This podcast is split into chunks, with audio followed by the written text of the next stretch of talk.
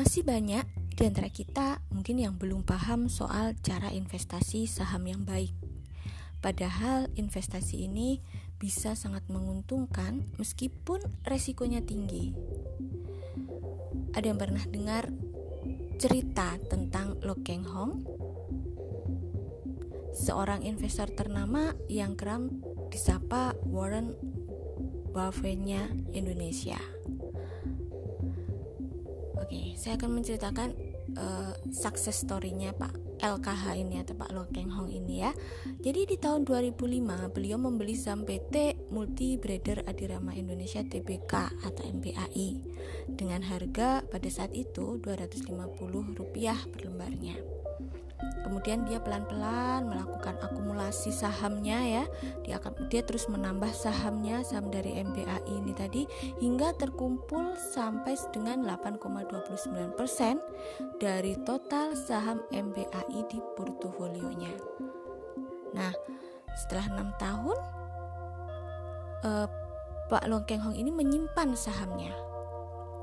Dia simpan aja dia keep ya dan akhirnya apa yang terjadi saham MPAI pun terbang hingga mencapai 31.500 rupiah bayangkan aja dari harga 250 kemudian lonjakannya cukup benar-benar spektakuler yaitu jadi 31.500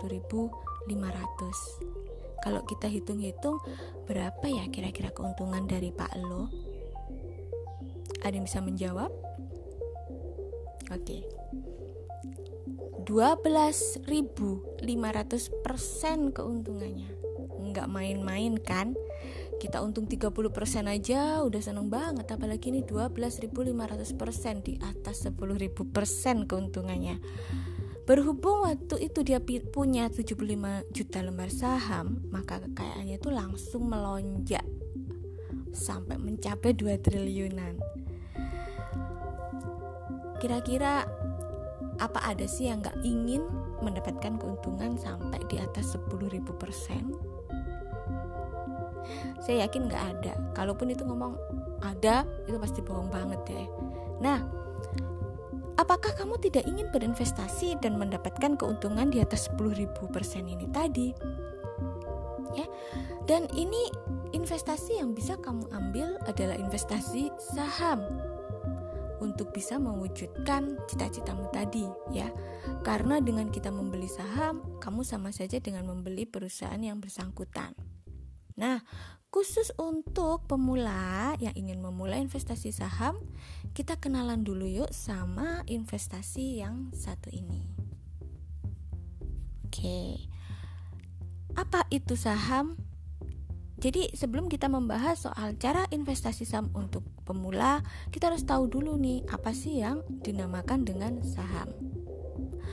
Saham sebenarnya adalah surat berharga sebagai instrumen bukti kepemilikan atau penyertaan dari individu atau institusi dalam suatu perusahaan.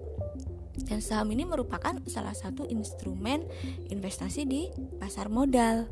Itulah sebabnya meski kamu memiliki saham sebuah perusahaan sebanyak satu lembar saja, kamu sudah bisa dikatakan sebagai owner dari perusahaan. Lantas, apa sih sebenarnya perbedaan antara saham dan obligasi? Mungkin kita sering juga ya selain mendengar saham, wah ini ada kata-kata obligasi juga gitu. Kalau obligasi uh, apakah juga bisa kita katakan sebagai surat berharga? Oke, kita akan bahas dulu ya uh, perbedaan antara saham dan obligasi. Jika kamu mungkin pernah membaca artikel di media massa soal kekayaan seorang pejabat, ya maka sering kali disebutkan bahwa pejabat itu memiliki surat berharga senilai ratusan juta atau miliaran rupiah. Dan aset keuangan itu tentu saja bisa berupa saham atau obligasi. Namun kedua aset itu sama sekali nggak bisa disamakan. Jadi antara saham dan obligasi meskipun sama-sama surat berharga punya perbedaan. Kita lihat dulu nih dari sifatnya. Kalau saham sifatnya adalah penyertaan tetapi obligasi sifatnya adalah utang.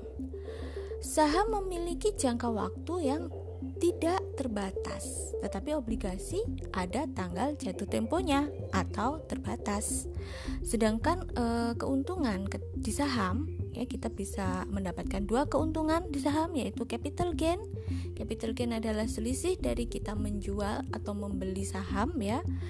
E, pastinya adalah selisih keuntungan yang kita dapat dari kita membeli dan menjual saham dan juga ada dividen. Di obligasi pun kita juga e, mendapatkan dua keuntungan dari bunga atau biasa di obligasi kita sebutnya dengan yield ya dan de, ada juga capital gain ketika kita melakukan penjualan obligasi tersebut. Kalau dari sisi hak suara, saham kita memiliki hak suara karena ada istilah one share one vote. Artinya ketika kita memiliki satu lembar saham, maka kita memiliki satu hak suara di dalam rapat umum pemegang saham. Tetapi kalau kita memegang obligasi, kita sama sekali tidak memiliki suara apa pun dalam perusahaan tersebut. Jadi kita di sini hanya berlaku sebagai pemberi hutang kepada perusahaan yang sedang membutuhkan dana. Oke keuntungan saham ya jadi tadi udah udah kita jelaskan kan di sana saham itu memiliki dua keuntungan yaitu ada dividen dan capital gain. Nah, dividen ini adalah pembagian keuntungan atau laba kepada kita sebagai pemegang saham. Biasanya dividen um, dibagikan itu per kuartal ya atau juga bisa dibagikan per tahun dan besarannya tergantung dari kebijakan perusahaan itu sendiri. Ada dua jenis dividen, yaitu ada dividen tunai. Dividen tunai ini perusahaan memberikan uang tunai untuk setiap lembar saham kepada para pemegang sahamnya. Kemudian ada juga dividen saham. Nah, dividen saham ini artinya dividen yang diberikan perusahaan berupa saham. Jadi, jumlah saham yang dimiliki oleh investor itu akan bertambah dengan pemberian dividen saham ini tadi. Yang kedua, ada capital gain. Jadi capital gain ini adalah sebuah kenaikan dari kita uh, membeli ya, dari kita membeli ataupun kita menjual saham. Nah, selisih di antaranya itu adalah keuntungan buat kamu. Ini biasanya lebih pada investor yang cenderung dia senang melakukan trading. Jadi dia ambil aja capital gain dari selisih antara ketika dia jual dan ketika dia membeli saham tersebut. Perlu saya jelaskan juga bahwa selain ada keuntungannya ya, tadi kita bisa dapat return atau keuntungan sampai dengan 10.000 di atas 10.000 persen, tetapi saham ini juga punya kerugian gitu. Jadi memang eh, benar sekali apabila satu quote yang mengatakan high risk high return. Artinya saham ini juga memiliki uh, risiko yang cukup tinggi. Yang pertama adalah capital loss. Capital loss ini adalah kebalikan dari capital gain. Gitu ya. Jadi nilai saham yang kita pegang atau yang dipegang oleh investor akan turun karena terjadinya fluktuasi bursa. Kita udah tahu nih ya bahwa harga saham itu sangat volatil. Jadi bisa naik bisa turun dan hitungannya nggak hanya hari aja gitu kenaikan atau penurunannya itu bahkan jam pun pada saat pembukaan dengan uh, apa pada saat penutupan gitu ya closing itu harganya bisa mengalami perubahan Nah, kerugian ini baru akan dialami ketika investor itu menjual sahamnya yang sedang mengalami capital loss. Kalau misalnya kita keep aja, kita nggak akan uh, dapat kerugian yang berupa capital loss ini, gitu ya. Meskipun kita juga nggak akan dapat capital gain. Oke, berikutnya kerugian yang kedua adalah suspend. Jadi, suspend ini merupakan risiko lain dari investasi saham. Nah, Saham yang kita miliki terkena suspend atau diberhentikan perdagangannya oleh Bursa Efek Indonesia. Disebabkan karena adanya kasus yang cukup serius yang melibatkan perusahaan yang menerbitkan sahamnya di bursa. Jadi kadang kondisi tersebut memang e, membuat investor tidak dapat menjual atau membeli sampai suspend itu dicabut oleh regulator atau dicabut oleh pemerintah. Kemudian ada lagi resiko delisting. Kalau yang ini sebenarnya resiko di mana sebuah saham telah dihapuskan dalam pencatatan saham di Bursa Efek Indonesia. Ya, usai delisting, saham ini nggak bisa ditransaksikan lagi. Dan status perusahaan yang telah di delisting biasanya tetap menjadi perusahaan publik, hanya saja sahamnya tidak lagi tercatat di Bursa Efek Indonesia. Kemudian resiko berikutnya yaitu ada resiko likuiditas um, saham ini memang sesuatu yang liquid, namun jangan salah. Ada juga yang nggak liquid karena saham tersebut misalnya kurang diminati oleh investor. Oke, itu tadi ya. Jadi ada keuntungan, pasti ada kerugiannya. Nah, setelah kita mengetahui uh, keuntungan atau kerugian dari investasi saham, apakah tandanya kita udah siap untuk berinvestasi di sini? Tentu saja modal dari kita mengetahui keuntungan dan kerugian saham itu belum cukup untuk menjelajahi rimba belantara ya e, berinvestasi di saham tadi eh, berinvestasi di pasar modal. Jadi butuh pengalaman yang cukup komprehensif sebelum kita terjun ke investasi ini. Nantinya saya akan membahas tentang uh, berbagai hal ya yang berkaitan dengan istilah-istilah yang sering muncul di investasi saham. Selain itu juga saya akan memberikan beberapa teori-teori yang terkait dengan investasi yang ada di pasar modal. Tapi sebelumnya kita bahas dulu yuk uh, jenis-jenis karakteristik saham yang ada di bursa, gitu ya. Jadi ada sekitar 7 karakteristik saham beserta sifatnya. Yang pertama ada growth stock. Ya, growth stock. Jadi saham ini sebenarnya adalah saham dari perusahaan yang tingkat penjualan dan pendapatan yang lebih cepat atau lebih tinggi. Jadi di saham growth stock ini menitik beratkan fokusnya pada penelitian dan pengembangan produk. Jadi perusahaan itu titik beratnya pada pengembangan dan penelitian produk dan mengalokasikan hampir keseluruhan dari pendapatan perusahaan ke dalam ekspansi. Ya, ekspansi perusahaan untuk masa depan. Dan umumnya perusahaan yang uh, sahamnya digolongkan sebagai growth stock ini jarang membayar dividen karena laba yang didapat oleh perusahaan tadi uh, biasanya akan digunakan untuk pengembangan produk, kemudian digunakan untuk ekspansi perusahaan.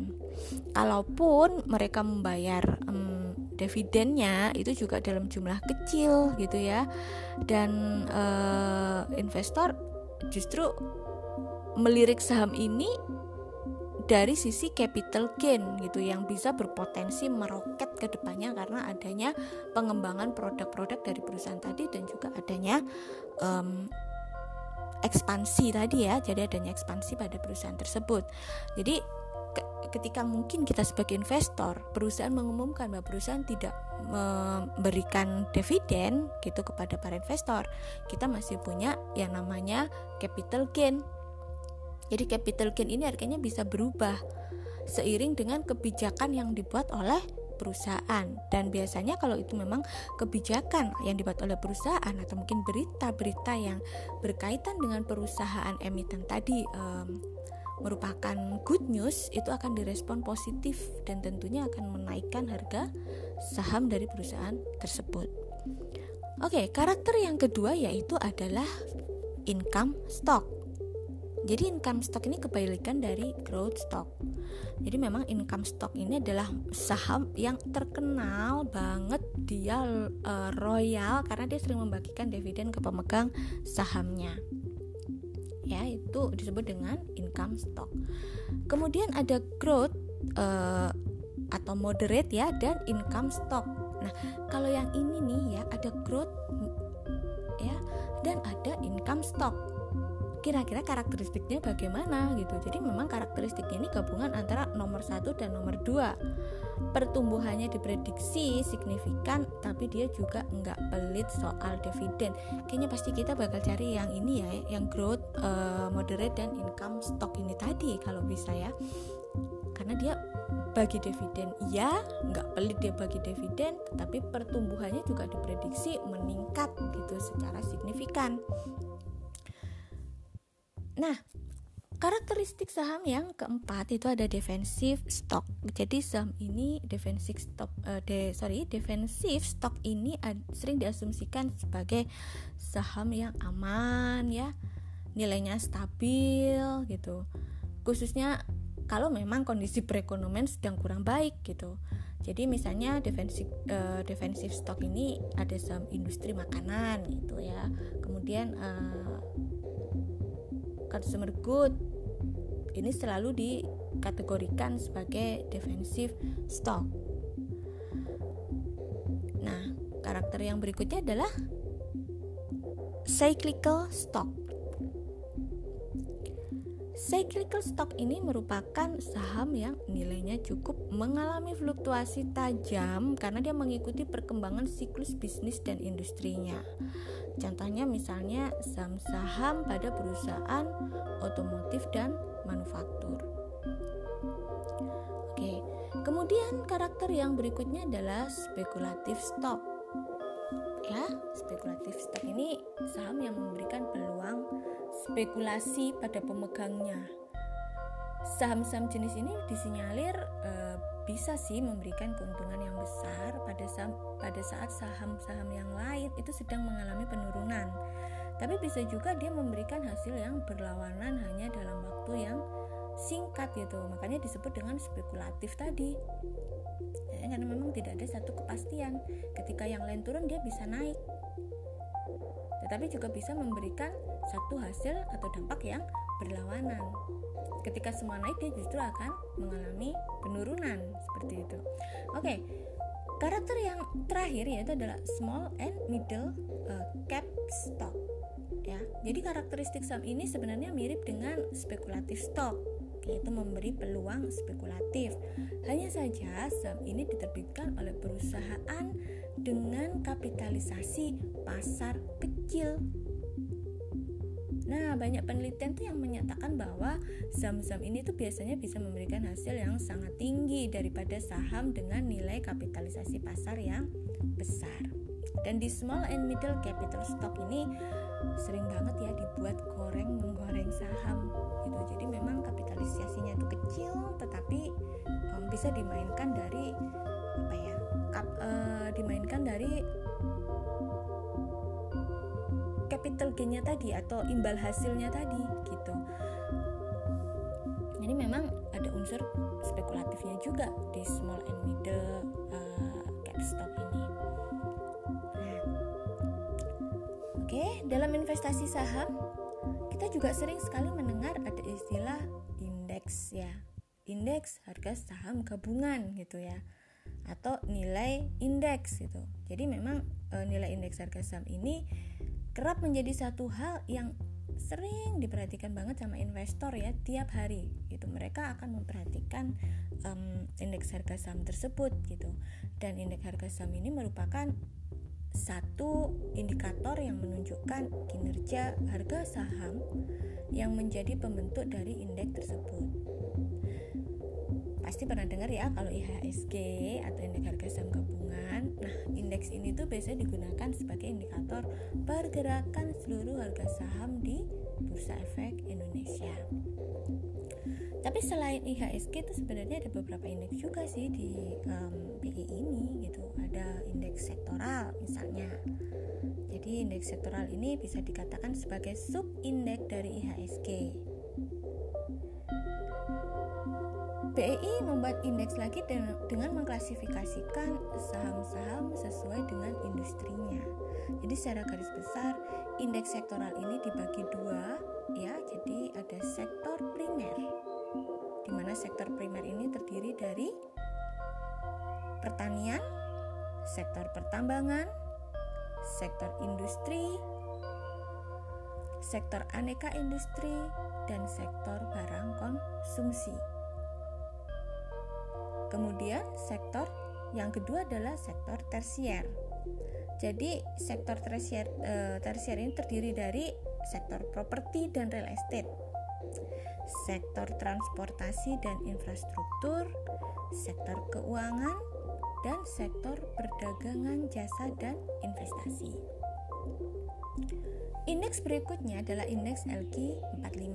Jadi indeks LQ45 ini adalah indeks saham di BI yang berisi 45 saham yang dinilai liquid yang dipilih berdasarkan pertimbangan likuiditas dan kapitalisasi pasar dengan kriteria sahamnya cenderung baik dan tumbuh. Jadi ini cuma ada 45 saham aja dan 45 saham ini biasanya saham-saham yang memang uh, dinilai liquid yang paling sering diperdagangkan di bursa efek. Indeks berikutnya adalah Jakarta Islamic Index atau e, biasanya disingkat dengan JII ya. Jadi indeks ini berisi 30 emiten e, berkriteria syariah. Nah, daftar efek syariahnya biasanya diterbitkan oleh OJK dan dia memiliki kapitalisasi pasar yang besar serta likuiditas yang tinggi. Indeks berikutnya adalah indeks Kompas 100. Jadi Kompas 100 ada kata-kata 100 pastinya berisi 100 ya, berisi 100 emiten yang dipilih berdasarkan pertimbangan likuiditas dan kapitalisasi pasar. Tetapi versinya udah bukan versi BI lagi tetapi versi dari harian Kompas. Ada lagi uh, bisnis 27 Nah, kalau bisnis 27 ini berisi 27 emiten yang dipilih berdasarkan kriteria tertentu dan merupakan kerjasama antara BEI dengan Harian Bisnis Indonesia. Indeks yang berikutnya ada Pevindo 25 Nah, Pevindo 25 ini adalah indeks yang berisi emiten yang dipilih berdasarkan kriteria tertentu dan merupakan kerjasama antara BII dengan lembaga rating Pevindo. Ada lagi indeks Sri Kehati ya. Sri Kehati ini berisi 25 emiten yang dipilih berdasarkan kriteria tertentu dan merupakan kerjasama antara PT BEI dengan Yayasan Kehati ada lagi IDX value 30 ya jadi indeks ini mengukur kinerja harga dari 30 saham yang memiliki valuasi harga rendah dengan likuiditas transaksi serta kinerja keuangan yang baik. Jadi harganya murah tetapi likuiditas transaksi serta kinerja keuangannya baik. Itu masuk semua nih di saham uh, sorry di indeks IDX value 30 tadi Kemudian ada IDX Growth 30. Jadi indeks ini mengukur kinerja harga dari 30 saham yang dia memiliki tren harga relatif terhadap pertumbuhan laba bersih dan pendapatan dengan likuiditas transaksi serta kinerja keuangan yang baik ada lagi IDX uh, eh, High Dividend 20 jadi kalau ini adalah mengukur kinerja harga 20 saham yang membagikan dividen tunai selama 3 tahun uh, terakhir ya dan memiliki dividen yield yang tinggi ada lagi IDX BUMN 20 oh ini mengukur uh, kinerja harga dari 20 saham yang merupakan uh, badan usaha milik negara dan badan usaha milik daerah serta afiliasinya. Kemudian ada lagi IDX SMC uh, Composite. Jadi indeks ini mengukur kinerja harga dari saham-saham yang memiliki kapitalisasi pasar kecil dan menengah. Masih ada lagi IDX 30. Oh, IDX 30 ini mengukur kinerja harga dari 30 saham dengan likuiditas tinggi dan kapitalisasi pasar besar uh, serta didukung oleh fundamental perusahaan yang baik. Oke, jadi itu tadi ya um, seputar tentang indeks saham yang ada di Bursa Efek Indonesia. Sebenarnya masih ada juga indeks-indeks yang mungkin dibuat oleh um, manajer-manajer investasi atau perusahaan-perusahaan investasi gitu. Misalnya ada MNC itu dia bisa menghitung indeks sendiri gitu ada uh, investor 33 itu versinya majalah investor kemudian ada Infobank 15 ini versi dari perusahaan media Infobank kemudian ada lagi indeks papan utama sebenarnya jadi indeks papan utama ini mengukur kinerja seluruh saham yang tercatat di papan utama Bursa Efek Indonesia. Nah Baik, jadi kalau kita sudah mengetahui nih indeks-indeks harga saham itu ya, tapi yang paling hit itu biasanya adalah IHSG itu yang paling sering dilihat oleh para investor dan dia pasti akan melihat setiap hari itu dia akan lihat pergerakan dari IHSG tersebut. Karena memang kita menghitung IHSG ini itu e, menjumlahkan seluruh harga saham yang tercatat di dalam bursa kemudian dibagi dengan total saham yang terdaftar di Bursa Efek Indonesia. Jadi itu sudah bisa menggambarkan sih sebenarnya indeks keseluruhan dari uh, harga saham yang terdaftar atau yang listing di Bursa Efek Indonesia di IHSG itu. Oke.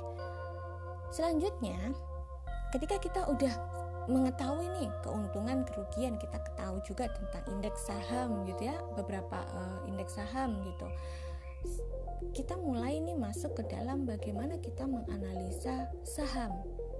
Gitu. Karena sebelum kita memutuskan untuk membeli saham investor ini wajib banget untuk dia melakukan analisa terlebih dahulu.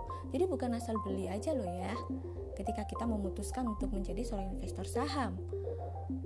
Kita beli kita nggak ngerti ilmunya kita nggak ngerti saham ini bagus atau buruknya ya udah pasti kerugian itu udah di depan mata dan uh, ada dua analisa yang apa digunakan untuk menentukan apakah saham tersebut layak beli karena bisa mendatangkan keuntungan dalam jangka waktu panjang maupun pendek.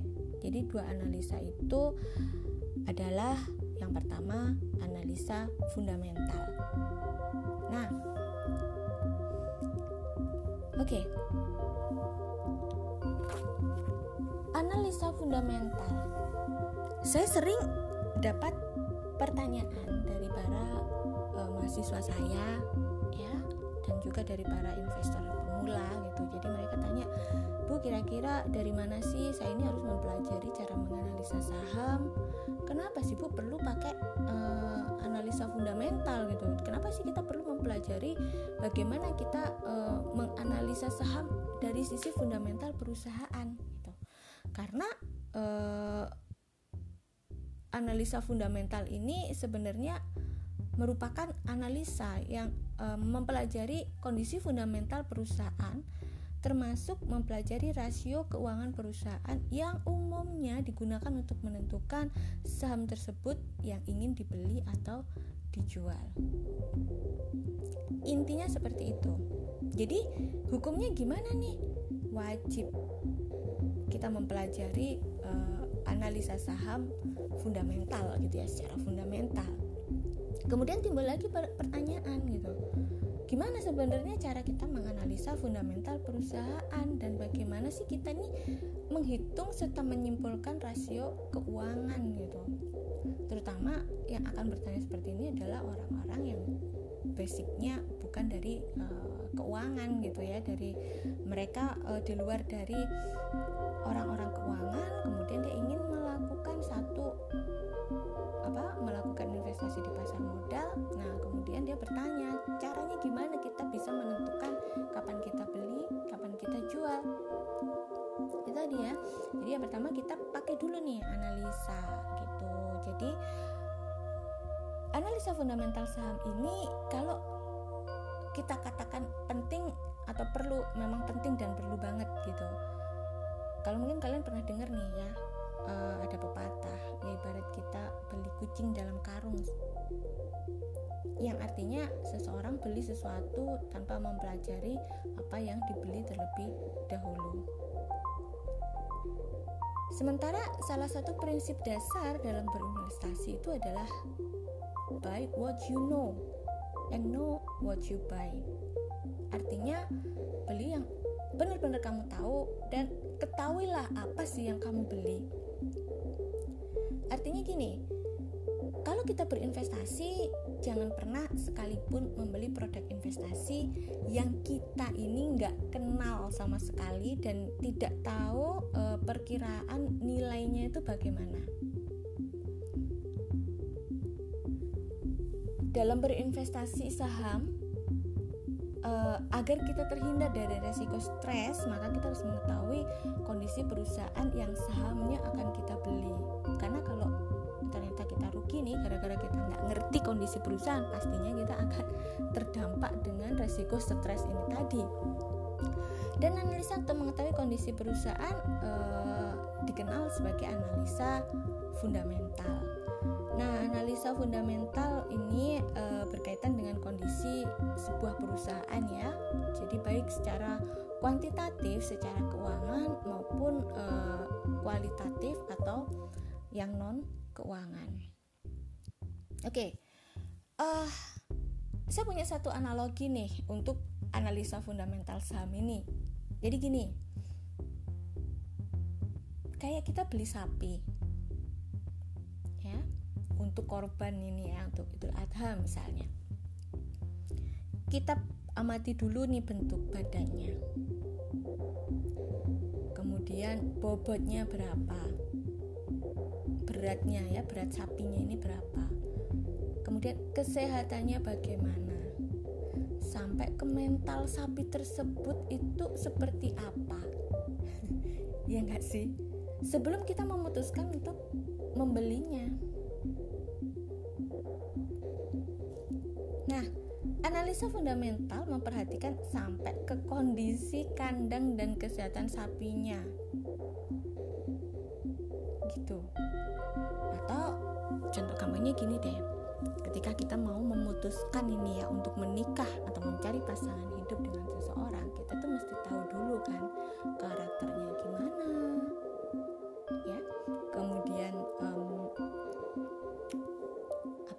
keluarganya bagaimana, latar belakangnya seperti apa gitu ya sampai ada istilah apel lah mungkin ya. Apel yang tahu sebenarnya oh rumahnya di mana sih kosnya di mana sih gitu.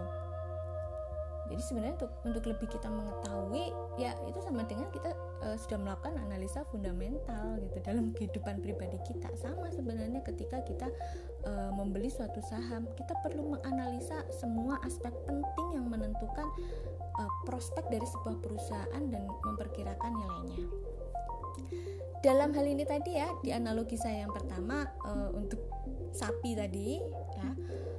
Sapi adalah uh, analogi untuk perusahaan dan kandang ini adalah kondisi dari pasar modal. Seorang investor ternama ya Warren Buffett ini mengatakan bahwa membeli saham adalah membeli sebuah bisnis. Itu harus ingat tuh beli saham adalah beli sebuah bisnis. Artinya kita harus menganalisis bisnisnya bukan sekedar hanya pergerakan harga sahamnya aja. Nah, salah satu pendekatan dari analisa fundamental yang sering digunakan adalah uh, top down approach, yaitu analisa yang dimulai dari kondisi ekonomi makro. Industri perusahaan industri perusahaan ya. Kemudian baru kita menganalisa kondisi perusahaannya tersebut. Jadi ada tiga tahapan dalam top down approach ini tadi. Yang pertama adalah kondisi makro dunia usaha. Jadi faktor ini dipengaruhi oleh kayak misalnya kebijakan ekonomi pemerintah. Seperti kebijakan suku bunga jika suku bunga tinggi investor lebih suka menanamkan uangnya di bank sehingga menghambat e, pertumbuhan bisnis perusahaan.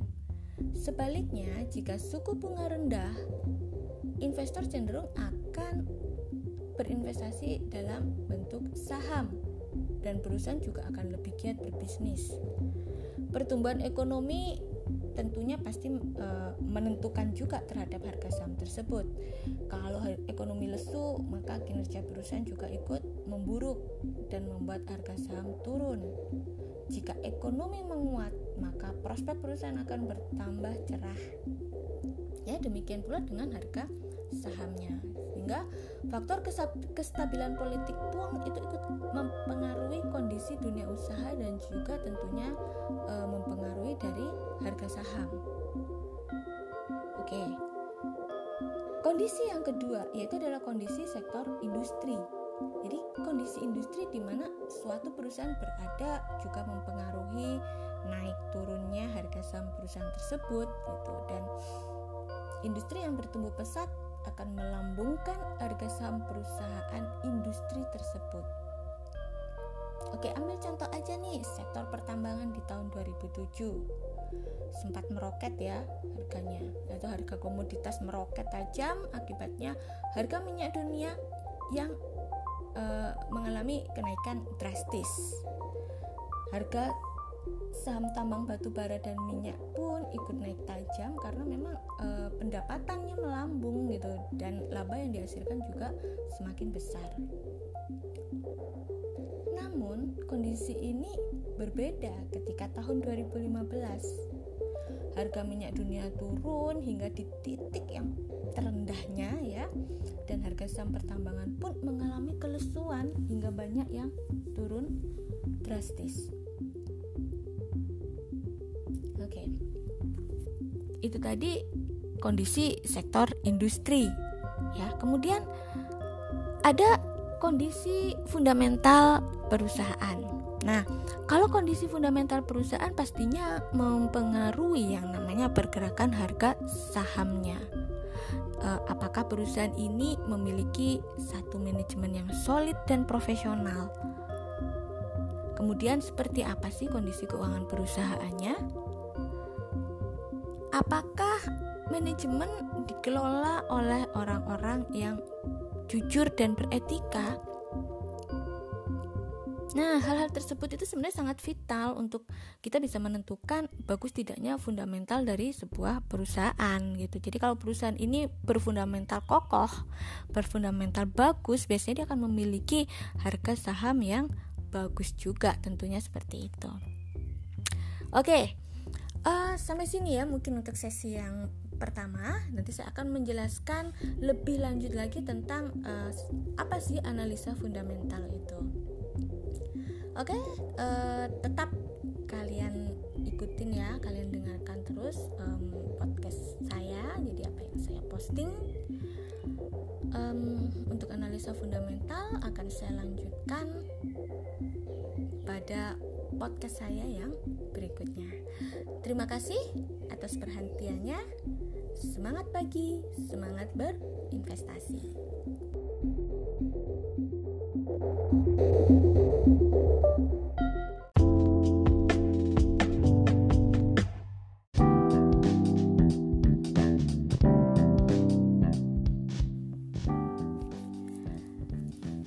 ketemu lagi di segmen tentang analisis. Jadi ini lanjutan dari segmen yang sebelumnya. Setelah kita melakukan tadi yang namanya pendekatan analisis top down approach ya, maka hal selanjutnya yang juga tidak kalah penting adalah kita menghitung nilai wajar atau fair uh, fair price-nya ya atau nilai intrinsik dari sebuah saham. Nah, nilai wajar ini pun kemudian um, kita bandingkan dengan harga pasar saham tersebut dan keputusan transaksi beli atau jual nantinya bisa didasarkan pada perbandingan antara nilai wajar dan harga pasar saham. Nah, untuk menghitung nilai wajar ini tentunya kita harus melakukan estimasi arus kas yang akan dihasilkan oleh perusahaan dari saat ini hingga seterusnya dan arus kas ini berasal dari laba bersih usaha. Kemudian arus kas kita valuasikan lagi uh, dalam nilai saat ini dan dijumlah untuk mendapatkan nilai wajar. Biasanya uh, perusahaan sekuritas itu memiliki analisis saham yang memang menghitung nilai wajar dari sebuah saham gitu dan analisis ini dilakukan secara berkala karena memang uh, kondisi mikro dan makro perusahaan itu tentu terus berubah gitu makanya dilakukan uh, analisa secara berkala dan para analis ini pasti memiliki spesialisasi uh, sektor industri ya sektor-sektor industri untuk dia mempertajam tentang uh, keakuratan dari analisisnya. Secara sederhananya mungkin begini, jadi um, harga saham itu dapat diprediksi dengan kita menganalisa data keuangan yang tersedia. Dan bagaimana caranya kita menganalisis uh, uh, menganalisis kondisi keuangan perusahaan? Nah, investor bisa memanfaatkan laporan keuangan yang merupakan gambaran dari kondisi keuangan perusahaan pada suatu saat atau selama periode tertentu. Nah, biasanya di dalam laporan keuangan tuh yang sering dianalisis adalah di laporan raca dan laporan laba rugi. Kenapa menggunakan laporan raja? Karena memang uh, di, di dalam neraca kita, kita bisa mengetahui seluruh aset yang dimiliki oleh perusahaan pada suatu titik waktu serta uh, sumber modal untuk membeli aset tersebut. Nah, secara berkala uh, perusahaan publik yang terdaftar di bursa wajib mempublikasikan laporan keuangannya. Jadi kita bisa uh, ambil data dari sana gitu ya dari biasanya um, ada di halaman uh, IDX kita bisa download aja untuk laporan keuangan emiten yang terdaftar di BEI. Nah, untuk menghitung rasio keuangan ini ada sekitar 6 rasio yang uh, dalam analisis fundamental yang biasanya sering digunakan oleh para analis fundamental ketika mereka memilih saham. Yang pertama ada earning per share atau disingkat EPS atau mungkin um, EPS ini lebih menggambarkan bagaimana laba bersih per lembar sahamnya. Jadi gini, mungkin saya beri contoh ya. Uh, bila ada EPS bernilai 100 rupiah, maka artinya nih setiap satu lembar saham menghasilkan laba sebesar 100 rupiah. Nah, kira-kira ketika kita mencari perusahaan, kita harus mencari perusahaan yang bagaimana gitu ya terkait dengan EPS ini. Pastinya adalah kita harus cari perusahaan yang memiliki EPS bertumbuh dari waktu ke waktu. Jadi kita lihat tuh trennya positif atau enggak. Nah, EPS yang menanjak ini menunjukkan bahwa perusahaan bertumbuh dengan baik kemungkinan besar uh, penjualan dan labanya juga naik gitu. Dan sebaliknya sih kalau EPS turun maka menunjukkan penurunan penjualan uh, laba uh, sorry penurunan penjualan dan laba perusahaan. Yang kedua itu ada rasio PER atau price earning ratio ya. E, rasio ini menggambarkan keuntungan sebuah perusahaan dibandingkan dengan harga sahamnya jadi per ini sebenarnya menunjukkan uh, lama waktu yang dibutuhkan untuk mengembalikan modal yang dipakai oleh investor untuk membeli saham. Oke, misalnya gini, ada saham seharga 100 ya. EPS-nya sebesar 20 per tahun. Nah, artinya saham tersebut memiliki per sebesar 5 kali. Di mana 5 kali ini didapat dari 100 rupiah dibagi 20 tadi. Ya jadi 100 nya itu adalah uh, harga. Apa? Tadi uh, sorry 100 nya itu adalah EPS nya ya dan 20 ini oh maaf terbalik ya. Jadi 100 itu adalah harga saham dan EPS sebesar 20 per artinya um, jika laba perusahaan ini nggak tidak tumbuh ya jadi nggak tumbuh sama sekali atau mungkin menyusut atau mungkin tetap ya dua uh, sekitar 20 rupiah lah per tahun gitu jadi tetap di angka 20 rupiah maka kita investor ini membutuhkan waktu sekitar lima tahun untuk bisa balik modal atau kembali modal kita Nah, ada dua cara untuk menghitung PER ini. Yang pertama ada trailing PER yaitu PER yang dihitung berdasarkan EPS tahun lalu. Yang kedua ada forward pair. forward per ini uh, dihitung berdasarkan EPS estimasi di masa mendatang. Pertanyaannya adalah kapan sih sebuah saham ini dianggap murah gitu. Jadi saham dianggap murah bila pernya lebih rendah dibandingkan dengan per rata-rata di dalam sebuah industri. Misalnya, ambil contoh deh perusahaan um, consumer good gitu ya. Dia memiliki per di bawah rata-rata dari per consumer good saham yang uh, lainnya gitu. Maka saham perusahaan consumer good yang pernya murah ini dianggap lebih murah. Namun uh, tidak harus selalu kita membandingkan ya dengan dengan industri yang sejenis gitu karena memang uh, ada satu alternatif yang tanpa kita melihat per industri itu sudah bisa kita jadikan patokan. Jadi patokannya itu gini. Ketika kita menemukan per di bawah 10 kali, udah itu kita anggap murah aja.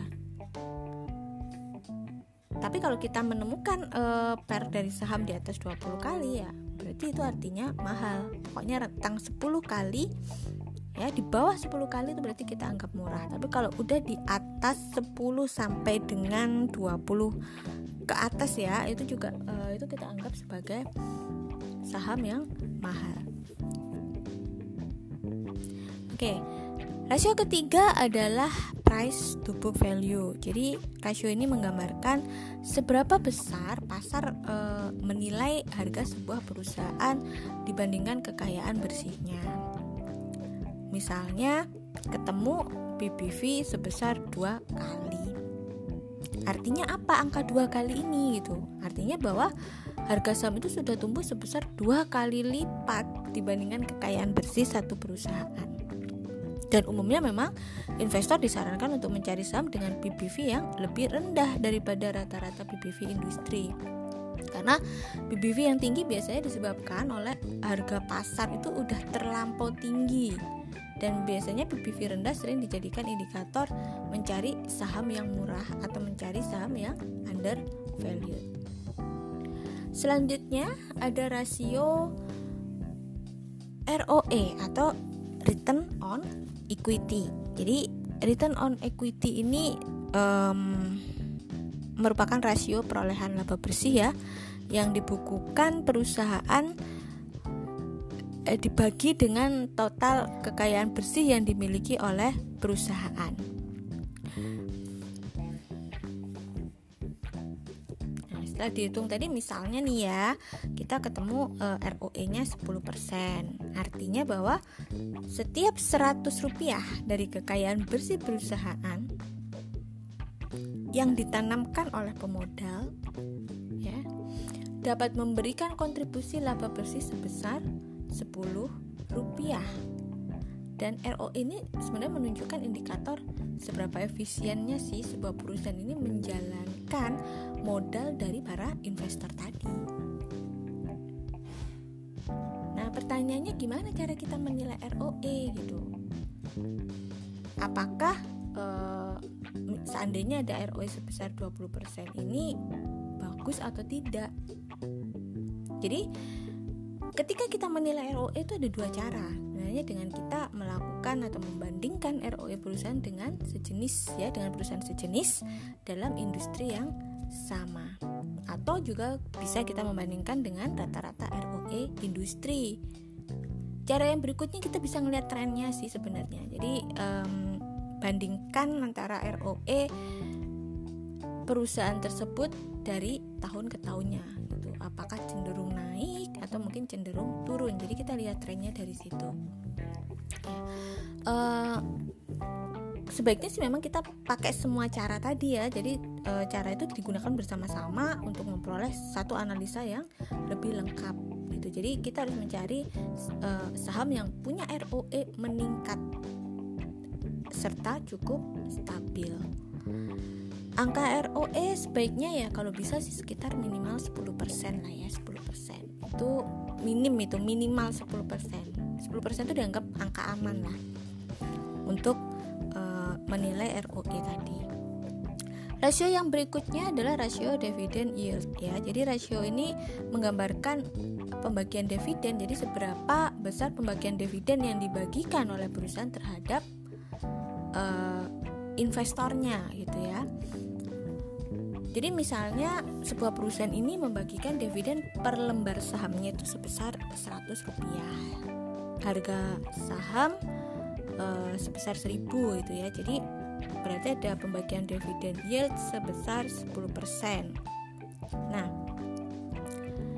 e, cari kita harus mencari saham yang memang memiliki dividen yield yang cukup besar itu karena memang uh, dividen yield ini mengindikasikan bahwa perusahaan memiliki kestabilan dalam laba bersih. Nggak mungkin dong perusahaan kalau nggak laba atau laba bersihnya kecil kemudian perusahaan membagikan dalam bentuk dividen. Artinya gini kalau perusahaan itu memang dividen yieldnya besar berarti perusahaan ini memiliki laba yang juga besar sehingga dividen yield yang diberikan kepada para pemegang saham juga nilainya besar.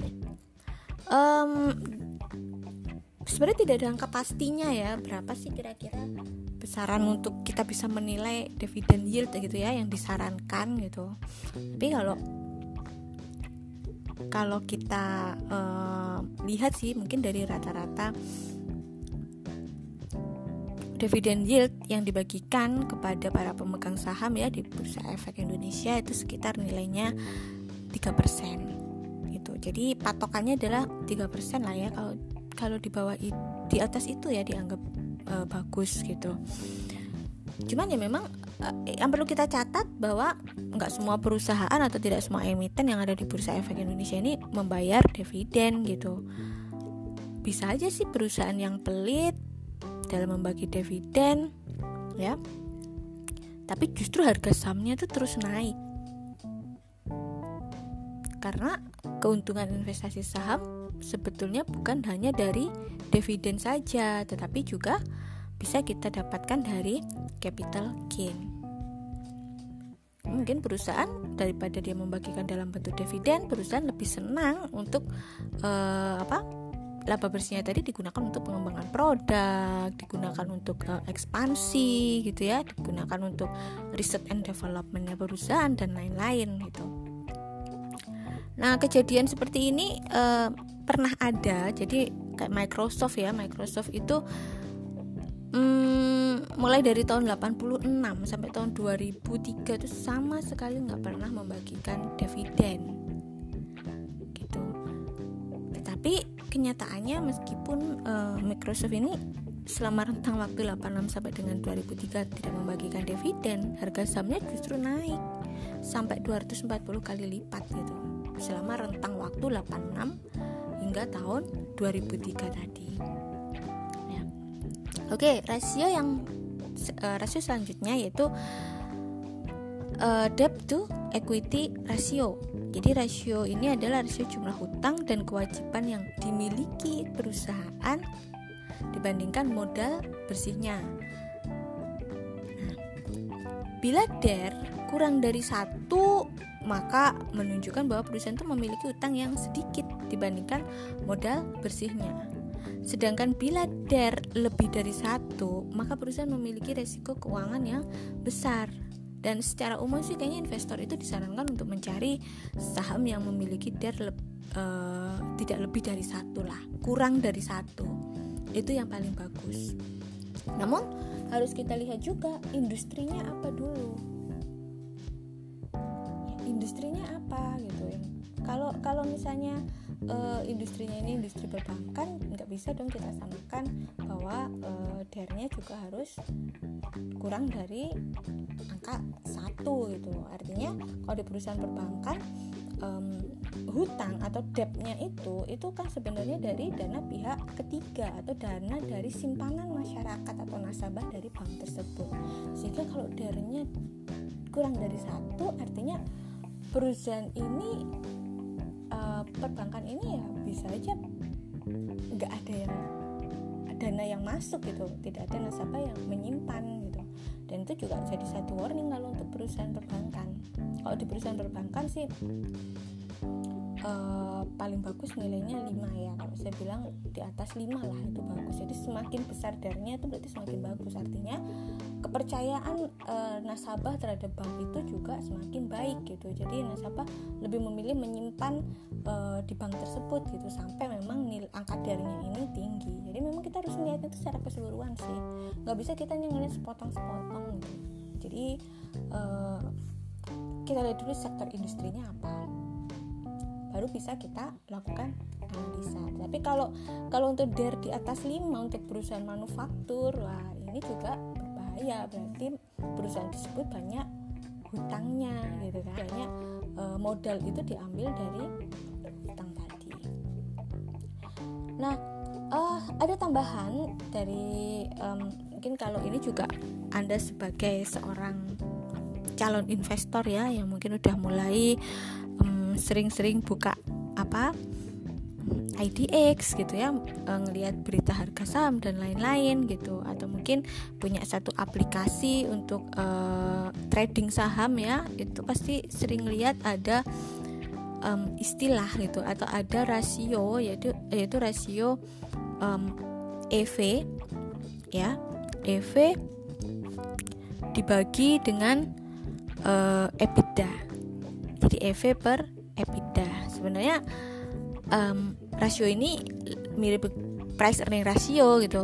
Akan tetapi um, para analis tuh menilai bahwa metode ini tuh lebih bagus lah daripada price earning ratio. Ya karena um, memasukkan unsur EV atau enterprise value dan EBITDA. Nah uh, EV dibagi EBITDA ini akan menghasilkan suatu rasio yang menunjukkan apakah suatu saham itu murah ya atau saham itu mah mahal gitu. Jadi menunjukkan uh, under value ataukah over value untuk saham tersebut. Nah, biasanya investor uh, menilai ya, menilai satu perusahaan itu murah jika angka EV atau EBITDA-nya itu di bawah 6 tapi ini sebenarnya yang bisa dijadikan patokan ya karena penilaian itu kan sifatnya relatif. Jadi memang kita harus menilai suatu saham itu perlu untuk membandingkan dengan perusahaan-perusahaan yang sejenis dulu. Ya sejenis nilainya berapa? Di rata-rata gitu. Apakah uh, EV per EBITDA kita ini terlalu tinggi atau terlalu rendah dibandingkan industri sejenis? Nah EV atau enterprise value itu sebenarnya ada angka yang menunjukkan besarnya value dari satu perusahaan atau biasanya kita sebut dengan firm value.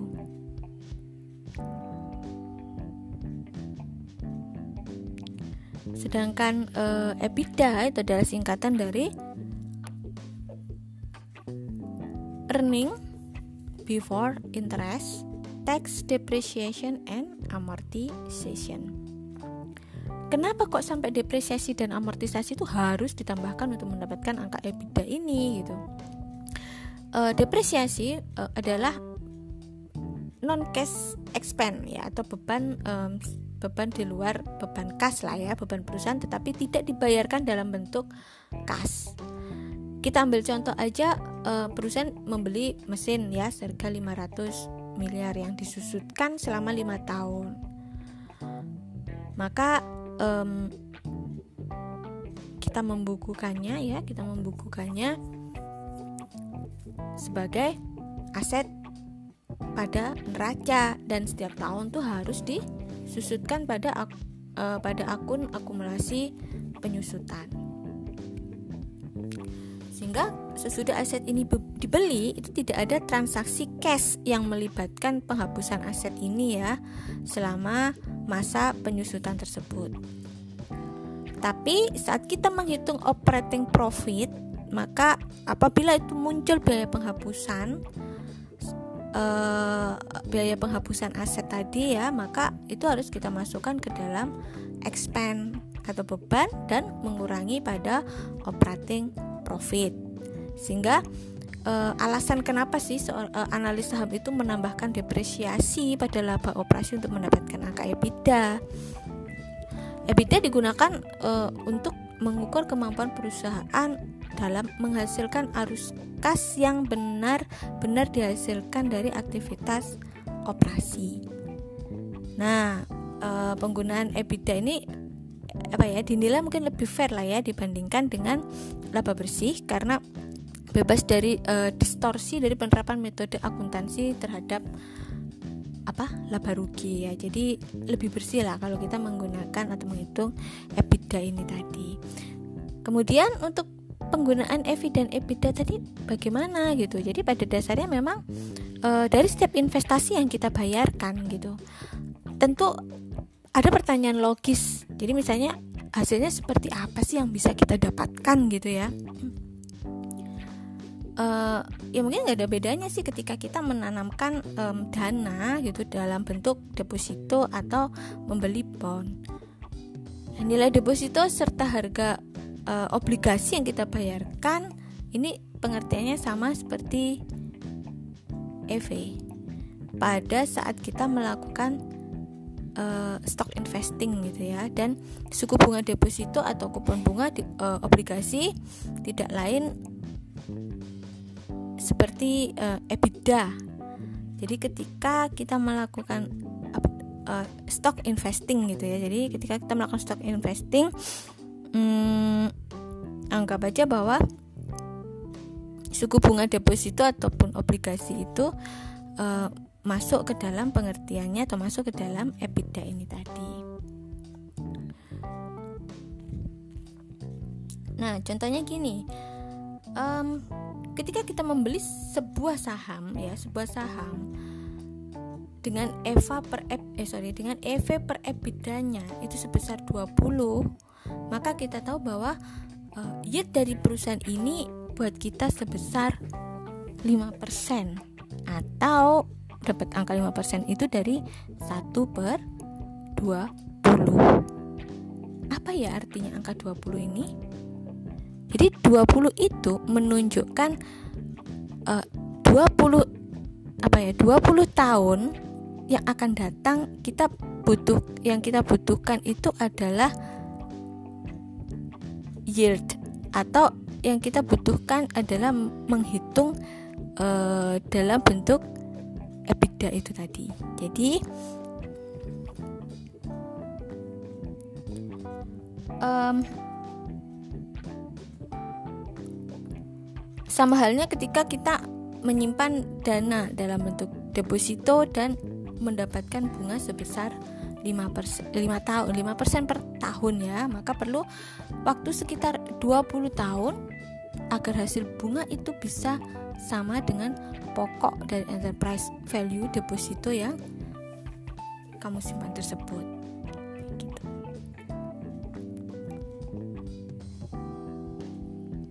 Oke, Sepertinya uh, segmen ini cukup sampai sekian dulu. Jadi tadi sudah kita bahas tentang analisis fundamental serta rasio-rasionya ya yang ada di dalam analisis fundamental dan ini yang sering uh, apa, sering digunakan oleh oleh para investor. Pada segmen berikutnya saya akan berbicara tentang apa itu analisa teknikal. Jadi terus ikutin podcast saya uh, dapatkan materi-materi terkait dengan investasi ya dan jadilah seorang investor. Terima kasih.